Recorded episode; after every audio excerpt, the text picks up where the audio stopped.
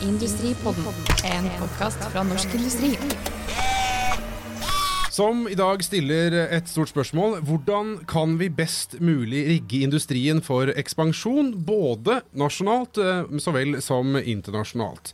Direktør i Norsk Industri, Knut Sunde, er her. Det er også fagsjef forskning og innovasjon, Katrine Vinnes. Velkommen til dere. Takk, takk. Hvordan gjør vi det da, Knut?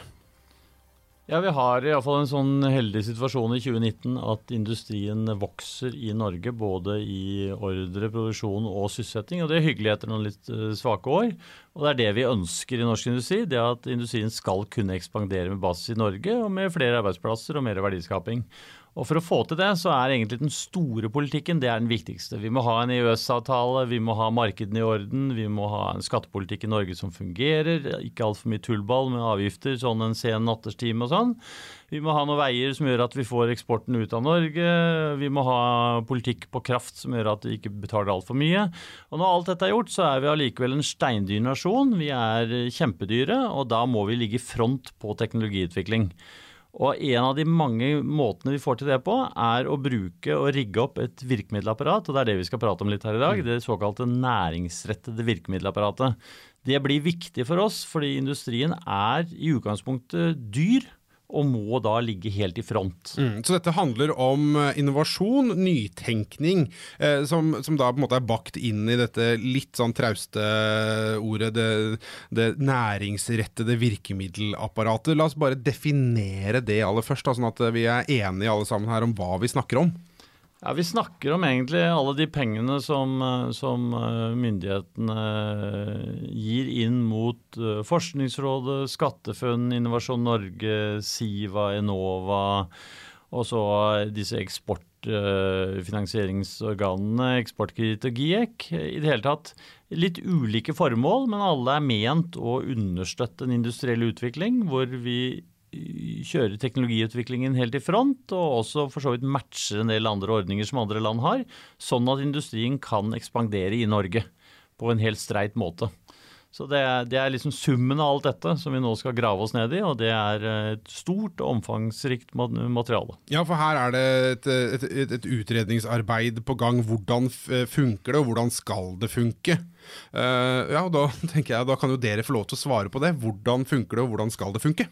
Det er veldig mye som funker bra. Altså vi kan, hvis vi starter det opp, høyt oppe i skylaget, da, så er det kanskje en 25 aktører totalt sett. Det er jo altfor mange. Men det er bare en 7-8 av dem som virkelig er viktige. De andre er litt sånn småtisser. Og de får tilført eh, flere milliarder i året fra skattebetalerne for å fungere best mulig, og de blir evaluert eh, rett som det er, at de fungerer som brukbart hver for seg. Men nå for første gang så har myndighetene tatt for seg mer eller mindre alt sammen og sett i sammenheng for å se og fjerne litt sånn ineffektivitet og fjerne litt overlapp. Og for å få mer ut av det samlede apparatet. Og det er det som nå har skjedd. Og nå har de da brukt konsulenter og ufattelig mange millioner kroner på å lage hundrer av sider, både på analyser og, og hvem som bruker og hvor i landet og hvilke bransjer og bla, bla, bla og hvordan dette fungerer sammen. Og Da ser de at det er en del overlapp, og en del som kanskje kunne vært gjort bedre. Og, og, så foreslår de å restrukturere en del av enhetene, og kanskje litt mer fokus på andre ting, og litt forslag til forbedringer. Og Dette er nå ute på høring med høringsfrist 20.12., og Norsk Industri er en av mange som kommer til å å gi sin høring. og Forut for det så skal vi ha både medlemsmøter, vi skal ha høringsprosesser, og vi har en konjunkturrapport på gang hvor vi også stiller bedriftene våre spørsmål. og Vi kommer til å få mange hundre svar. Alt dette oppsummerer vi, og så akter vi å følge det opp eh, så fort høringsfristen er over, med masser av møter inn i regjeringsapparatet og på Stortinget for å spre vårt glade syn om hvordan dette kan gjøres bedre. Ja, hva, Skal vi dele litt av det allerede nå? da? Hvordan kan dette gjøres bedre? Ja, det er, eh, det er, mange innganger her. Vi kan, vi kan, ta noen av de viktigste. Og det er eh, Først så tror jeg denne omfattende analysen som regjeringsapparatet nå har fått, den understreker at det er hyggelig å ha gründere, og det er fint å ha gründere, men det er ikke så mye ekstra verdiskaping av arbeidsplasser kommer ut av det. Det kommer veldig mye ekstra ut av å omstille det vi har og, og, utvikle teknologien i det vi har. Sånn at eh, det, vi er, det rapporten er opptatt av, og som vi også har vært veldig opptatt av, det er å få bedrifter til å skalere. Altså bli litt større enn en gründer. Og det å få en bedrift til å gå fra 5 til 10 ansatte, eller fra 10 til 50, eller fra 50 til 250, det er viktig. Så vi kan dra det videre. Og skal du bli såpass stor, så må du stort sett vokse på eksport. For dette landet her er litt lite til å ha mange store kalver. Så vi må lykkes internasjonalt.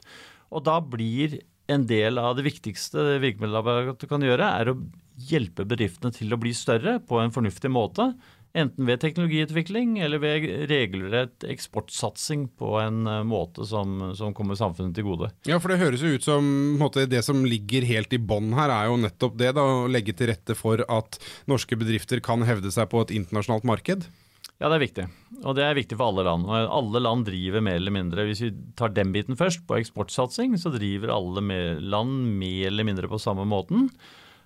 Med litt ymse erfaring. Og her er eh, rapporten ganske nådeløs i sin, eh, jeg vil nesten kalle det slakt av det norske systemet.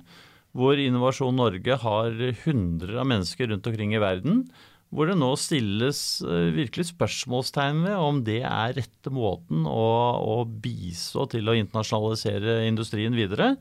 Eller om vi skal ta litt mer utgangspunkt i hva bedriftene selv vil, og når de ønsker å gå sammen 5-10-20-30 stykker og gjøre noe felles.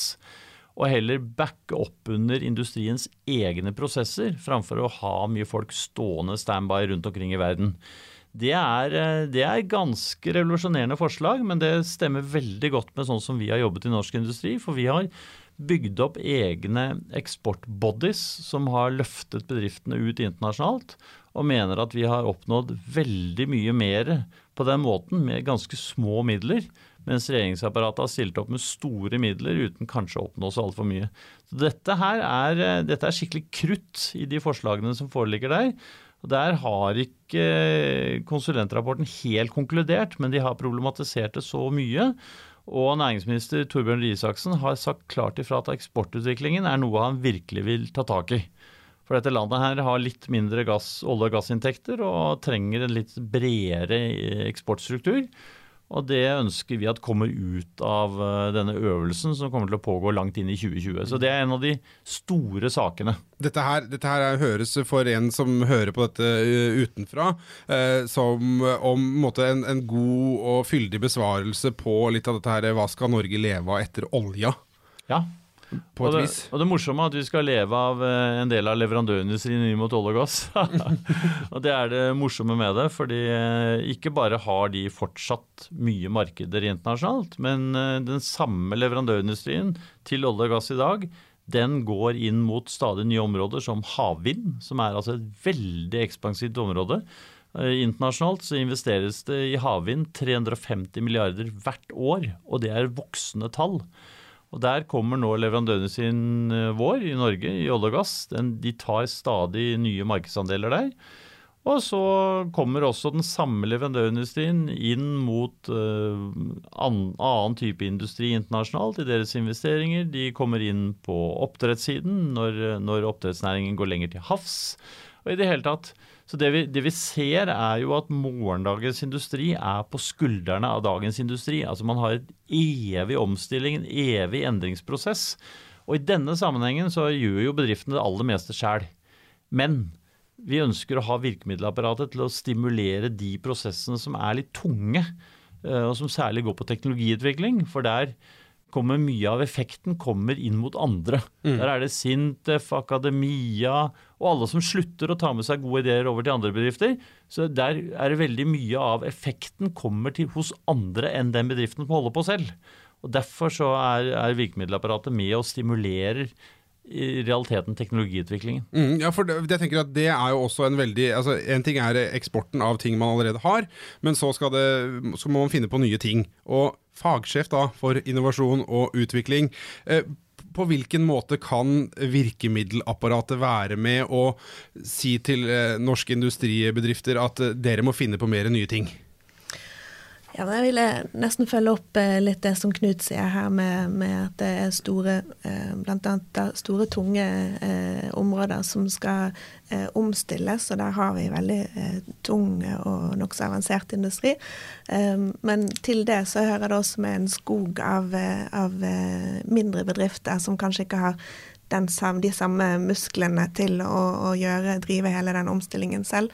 Eh, og der eh, spesielt er jo virkemiddelapparatet for innovasjon og forskning veldig viktig. Og de vil være en sånn eh, katalysator for, å, for de store bedriftene blir ikke bedre enn det underleverandørene er på, på å fase inn ny teknologi. Så det er et sånt økosystem der mm, eh, men, som må drive i samme retning. Men, men, men, er det da sånn at man må, man må, altså, som Knut var inne på her, sparke de små bedriftene litt bak og gi dem en gulrot for å tørre å bli større, eller må det eksisterende næringslivet invitere dem inn til å si hei, vi vil gjerne samarbeide med dere og den gode ideen deres? Det, er litt begge deler, tror jeg. fordi her er det, Vi har mange store bedrifter i Norge, men som er dødsens avhengig av de små, spissa underleverandørene de har rundt omkring i Norge. Også for at den store skal lykkes internasjonalt. Vi har bedrifter som, eh, som eh, hårnakket påstår at de har over 1000 norske underleverandører. Da tror jeg nok det er litt kreti og pleti, men de har iallfall et par hundre som er kritiske for dem. Og eh, noen av disse mindre vil nok etter hvert kunne gå ut uh, på eksport uh, av seg sjøl. Uh, men på kort sikt så går de ofte ut gjennom den storkunden i Norge. Men den utviklingen ser vi at det er stadig flere av de mindre bedriftene også går ut på eksport. Både ved at det blir tryggere og det blir bedre, og det blir bedre ved å jobbe sammen med de store norske bedriftene. Så veldig mange av de 20-30 største eksportbedriftene vi har i industrien, de har omfattende nettverk av underleverandører i Norge som de også ønsker at skal bli bedre. Mm. Ikke bare ha dem som kunde, men ha flere kunder. For da blir de mer robuste, og så drar de hverandre oppover. Mm. Og dette er spennende. Det er spennende i digitaliseringen som pågår, hvor de trenger å henge med på hva som skjer. og og jobber bedre sammen. og i Det hele tatt er masse forbedringsprosjekter de driver. Ja, eh, det blir bare mer og mer viktig, det samspillet med, med skogen av eh, underleverandører. Eh, F.eks. så med digitalisering så opplever eh, teknologibedriftene at det er et eh, veldig sterkt push på ny teknologi. Eh, mens at pushet på på å investere i cybersecurity-tiltak ikke er like stort, og dermed så får du Eh, en, eh, ja, en, sårbarhet eh, som, som, da Man kan dermed være, jobbe sammen i nettverk og, og, og bruke innovasjonsvirkemidler kan, kan liksom bli sterkere på det mm. sammen. Ja, for, for, det er jo en ting man altså Etter hvert som begynner å poppe opp mer og mer i måte, den, den allmenne bevisstheten, er denne klyngedannelsen som foregår rundt omkring uh, i, i, landet. Uh, og da tenker jeg at det kanskje er en del av uh, det som Knut hyller her, da. Som er den, det initiativet som industrien selv tar. Ja, og det er litt sånn Det er den utviklingen vi også vil ha på eksportsiden, framfor å ha et Eh, eksportapparat som står og venter ute i verden på at det kommer noen enkeltbedrifter, så ønsker vi at bedriftene jobber sammen. og altså Mange trenger ikke virkemiddelapparatet for å lykkes internasjonalt. Men det er veldig mange som ønsker å jobbe sammen, gå ut sammen og være flere sammen. og Det er kostnadseffektivt både for dem og også for myndighetene. Uh, og da, når de initiativene kommer fra en klynge med bedrifter som ønsker å gå på et par-tre felles kunder, så er det en fin måte å jobbe på. Og Det er sånn vi har fått noen av de beste eksportsuksessene, er ved at eh, bedrifter har gått sammen. Mm. Og til dels spleiset på sekretariat, og så har eh, myndighetene koblet seg litt på for å gjøre det mest mulig kosteffektivt. Og det er jo det nå denne anbefalingen også understøtter. At man legger om eksportpolitikken ganske radikalt i dette landet til å bli litt mer opptatt av hva bedriftene selv vil, og understøtte det framfor å ha et apparat som står og venter og håper at det kommer noen. Mm. Men hva, hva, konkret er det da dere, norsk industri, hva er det dere ber om? Hva er det, de, hva er det myndighetene da skal gjøre i en sånn situasjon? At man har et, en klynge som sier nå er det dette vi vil gjøre. Hva skal staten gjøre? Ja, Da ønsker vi at staten bistår i den internasjonaliseringsfremstøtet ved at statens bidrag bidrar til at flere kommer med, og at de gjør det på en bedre måte enn når de går ut litt sånn hver for seg eller småsamarbeider. Og det har vi litt modeller på. Vi startet på leverandørindustrien til olje og gass, som dannet sitt eget lille organ på 90-tallet, noe som het Intsoc. Det fungerte veldig bra. Og så kom eh, fornybarnæringen i Norge og lagde sitt egen lille klynge som het Intpow. Og så begynte de å gå litt i hverandre, fordi havvind er jo en blanding av dem begge to. Og da fant Olje- og energidepartementet, som delfinansierte begge, at dette ville de bare slå sammen. Og da dannet de noe som heter Norwep. Det er mange rare forkortelser, men det er den største suksessen i, eh, i eksportsammenheng i Norge. Eh, og det koster ufattelig lite i forhold til hele strukturen med uteapparatet i Innovasjon Norge, men gir enorm effekt.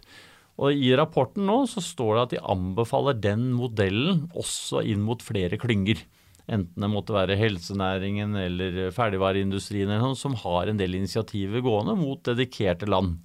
Så Det betyr altså at man, man forholder seg da mer til kundene om hva som kan understøtte kundenes ambisjoner, framfor å ha et sånn tilbudsorientert at her er vi. Uh, kom gjerne og bruk oss, men uh, hvis du ønsker noe annet, så kan du bare glemme det. Litt sånn litt firkanta sagt, så er rapporten veldig tydelig på det. Nå må vi understøtte de bedriftene vi har som ønsker å lykkes, og så gjerne lage mest mulig rundt dette. Det virker veldig selvfølgelig. Når du forteller det nå, så høres det litt men, sånn men det er nok det at hele klyngepolitikken i Norge har vokst fram de siste 10-15 årene som en sånn erkjennelse av at det er greit å hjelpe én og én bedrift, men det er sinnssykt mye mer effektivt hvis en 30-40 bedrifter samarbeider. Og da bygger man opp eh, kunnskap rundt de klyngene, som igjen kobler inn fagskoler på opplæring, og kobler inn NTNU Sintef på akademia. Og så lager man litt sånn ringer i vannet rundt industrien, som kommer veldig mange flere til nytte enn akkurat bedriftene sjøl. Og det legitimerer at staten er inne. Fordi de er jo inne og finansierer fagskolen, de er inne og finansierer NTNU. Men på den måten så får de også fagskolen på, på mekanisk eh, utdanning eller hva det måtte være, og NTNU på ingeniørgjengen. De får dem koblet inn på hva industrien vil, for det er der de ofte ender opp som arbeidstagere. Og Da blir de attraktive for industrien, og så får de læringen inn på utdanningsstedene. Så det, det, er en måte også å koble utdanningen inn i næringslivet på, på en veldig fin måte. Det samspillet der er, eh, det er ikke altså For 20-30 år siden hadde dette vært helt uhørt. Å holde utdanning og næringsliv langt unna hverandre. Nå skjønner man at jo tettere det er på hverandre, jo mer funker det. Ja, jeg, jeg, da, jeg gjentar det jeg nettopp sa. Det høres jo veldig Hvorfor har man ikke gjort det fra starten av? Ja, men spør de sånn ut. gamle gubbene som ledet Norge på 90-tallet. De ville sagt at nei, hold nå dette langt unna hverandre. Utdanning er utdanning. Og, og om de får seg jobb, det er de ikke så veldig opptatt av. Nå er de veldig opptatt av å utdanne folk som, fag, folk som kan gå rett ut i jobb mm. og fungere best mulig. Men, men altså, dette her er en, en omfattende, stor prosess som skal evaluere eh, ganske tunge systemer. Eh, altså, hvis vi kan prøve å se litt fram i tid, da, hva, hva er realismen i utfallet her? For du nevner jo store ting som en radikal endring av eh, eksportpolitikk osv. i hele landet. Altså det, du kan si at eh, konsulentene har anbefaler at, eh, liksom, at eh, alle disse enhetene her samles rundt fire store områder. Det ene er egenkapitalinstrumentene, som heter Investinor og Nysnø og disse andre. eh, samles litt, eh, litt mer strukturert enn i dag. Og så tar man utgangspunkt i Innovasjon Norge, som antageligvis uh, blir klippet litt av, men vi får nå se. Og hvor man uh, legger det man uh, litt sånn akademisk kalles forretningsdrevet innovasjon og vekst, kaller man det. og så bygger man en modul da, rundt Forskningsrådet, som er litt mer den forskningsdrevede innovasjonen. Men nå er deler av Forskningsrådet er litt utenfor denne evalueringen. Og så har man en enhet, og det er også litt kontroversielt, hvor man slår sammen det som heter GIEK og Eksportkreditt, som driver med eksportfinansiering, og kanskje tilfører hele uteapparatet Innovasjon Norge i en stor eksportbody. Det er det som egentlig er den mest radikale forslaget av det hele. Og så er det en del mindre enheter som er så spesialiserte og som fungerer så bra. De lar de få lov til å fortsette. Men så er det en del mindre av disse 25 enhetene som ikke ikke er så veldig bra, ikke fungerer så bra, de blir bare dytta inn i disse enhetene. Så det, på det strukturelle området så foretas det ganske mange grep. Hver for seg så kommer vi til å både problematisere og diskutere litt fordeler og ulemper med dette, men det kommer ut av dette så kommer det en del strukturelle endringer. Og så er det mye av politikken er nok eh, ikke like mye belyst i, i denne utredningen. Så er, jeg vil nå si det er mest på det strukturelle her. Mm. Det startet jo eh, altså Da næringsministeren eh, satte, igangsatte hele dette oppdraget, så startet han vel med å si at, at det var en jungel av virkemidler som man nå skulle ryddes opp i. Og det var et ønske om at man skulle lage større og mer åpne programmer. og og slå sammen eh, steder hvor man gjennom denne konsulentrapporten fant, eh, fant områder der hvor det var overlapp. Og så er det vel kanskje ikke så radikale forslag eh, som man kanskje kunne trodd eh, i starten. Um, men samtidig så er det en, en, en rekke forslag hvor, hvor du har eh, noen ting som er foreslått og slått sammen. og, og Blant annet så har du noen store senterordninger i Forskningsrådet som, som er foreslått at uh, i stedet for å ha de tematiske sentrene, så skal man slå sammen og ha litt større, åpnere uh, sentre. Um, og så er det vel noe som vi har vært veldig glad i i norsk industri, som heter uh, Norsk Katapult, som er Siva som er eier av, men som er et sammen, sam, samarbeid med Forskningsrådet og Innovasjon Norge. Det er en, eh, i utgangspunktet en infrastrukturordning som Dvs. Si at man etablerer testsentre hvor, hvor industri um, kan dele på utstyr, som er nokså kostnadskrevende, og spesielt er viktig for små, små og mellomstore bedrifter. Um, dette henger veldig sammen med kompetanse, og dermed i denne virkemiddelgjennomgangen så foreslår man at man skal slå sammen klingevirkemidlene klinge med katapultordningen. Og da får du mer muskler inn i innovasjonen med at du, du både, både, kan kombinere eh, kompetanse, altså den delen av kompetansenettverk, med den fysiske infrastrukturen. Mm. Så, eh, og da skal vel den katapultdelen der eh, innlemmes i Innovasjon Norge. Så dette her er egentlig eh, forenkling og effektivisering, eh, hvis man koker det ned? Ja, og det åpenbart eh, beste forslaget som kommer til å få støtte fra alle, og som også, som du startet med, kunne høres ut som en sånn selvfølgelighet, det er at man i digitaliseringens tidsalder greier å lage en digital front. Velkommen til virkemiddelapparatet. Hvor du guides inn, og ganske kjapt, når det er en par hundre ordninger, roteres inn på hva er egentlig relevant for deg. Mm. Fordi Hvis dere som et lysstudio ikke akkurat akter å satse på Japans marked, så er det ikke noe vits i å vite altfor mye om det.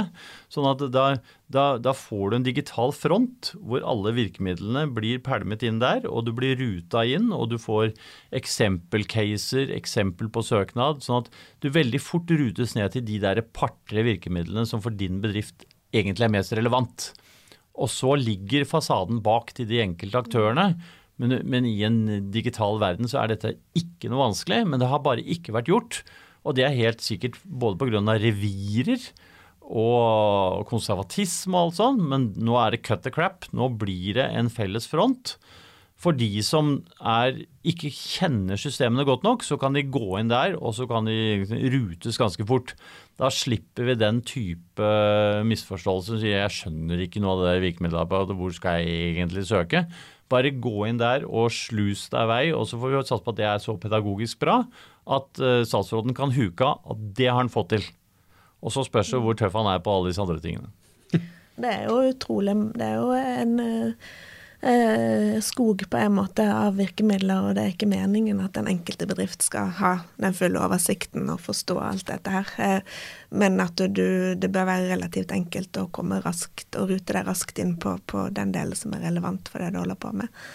Eh, og, og, sånn sett så er det kanskje absolutt på tide at man får en felles inngangsportal.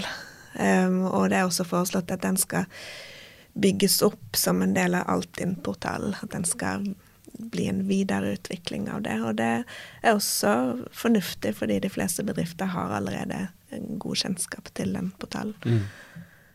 Ja, altså, det, igjen, dette her, Alt dette her høres uh, fornuftig ut, og jeg tenker hvorfor har ikke dette eksistert uh, i årevis allerede? Ja, og du kan få, jeg skal gi deg enda flere òg, for nå kan vi få en litt liten ting som også har vært veldig viktig for oss, men som altså ikke har vært mulig å få til. Og det er at Forskningsrådet på de viktigste prosjektene for industrien, de har søknadsfrist én gang i året. For da ønsker de å hente inn internasjonale folk og vurdere alle prosjektene opp mot hverandre, og så lager de en cutoff et eller annet sted oppi den haugen og sier de får, og de får ikke. Men det er ikke så veldig kundevennlig for en bedrift som har altså budsjettprosessen i oktober, november, desember, og så endelig får et go i konsernledelsen, kanskje styret, på et større prosjekt som de er klare for å sette i gang. Og så er det søknadsfrist 1.10 neste år. Og så får du ute i desember beskjed om du får eller ikke får. Altså det, det er ikke sånn det funker. Det er veldig lite kundevennlig, men det er veldig behagelig for de som sitter og deler ut penger, for de kan bare sitte og vente helt til alt kommer, og så stable dem oppå hverandre. Og nå har de foreslått løpende søknadsbehandling. Og det er Resten av Norge driver jo løpende søknadsbehandling i praksis. Nå er det på tide at Forskningsrådet også driver det. Det er egentlig en liten fillesak, og du kan si akkurat det samme. Hvorfor har de ikke gjort det for lenge siden? Det har de bare ikke gjort. Nå blir de tvunget til det. Og det er viktig for oss. For vi vil ha løpende vurderinger, sånn at bedriftene faktisk hekter seg på når det er relevant å gjennomføre prosjektet. Ikke må liksom vente på et prosjekt pga. finansiering. Iallfall ikke vente unødvendig, da. Skal vi la det være siste ord? Altså forenkling eh, og effektivisering eh, rett og slett av eh, det næringsrettede virkemiddelapparatet. Det er en ting som vi sier ja og hjertelig velkommen og egentlig for lengst hei til. Det sier vi hei til. Det er vi klare. Industripodden, en podkast fra Norsk Industri. Denne Podkasten er produsert av Tid og Lyst.